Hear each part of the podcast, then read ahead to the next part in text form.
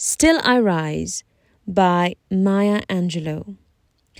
You may write me down in history with your bitter, twisted lies. You may trod me in the very dirt, but still, like dust, I'll rise. Does my sassiness upset you? Why are you beset with gloom? 'Cause I walk like I've got oil wells pumping in my living room just like moons and like suns with the certainty of tides, just like hope springing high, still I'll rise. Did you want to see me broken? Bowed head and lowered eyes, shoulders falling down like teardrops, weakened by my soulful cries. Does my haughtiness offend you?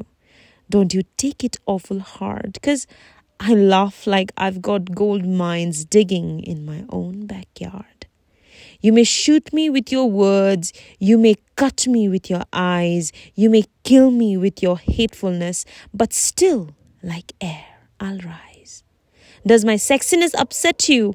Does it come as a surprise that I dance like I've got diamonds at the meeting of my thighs?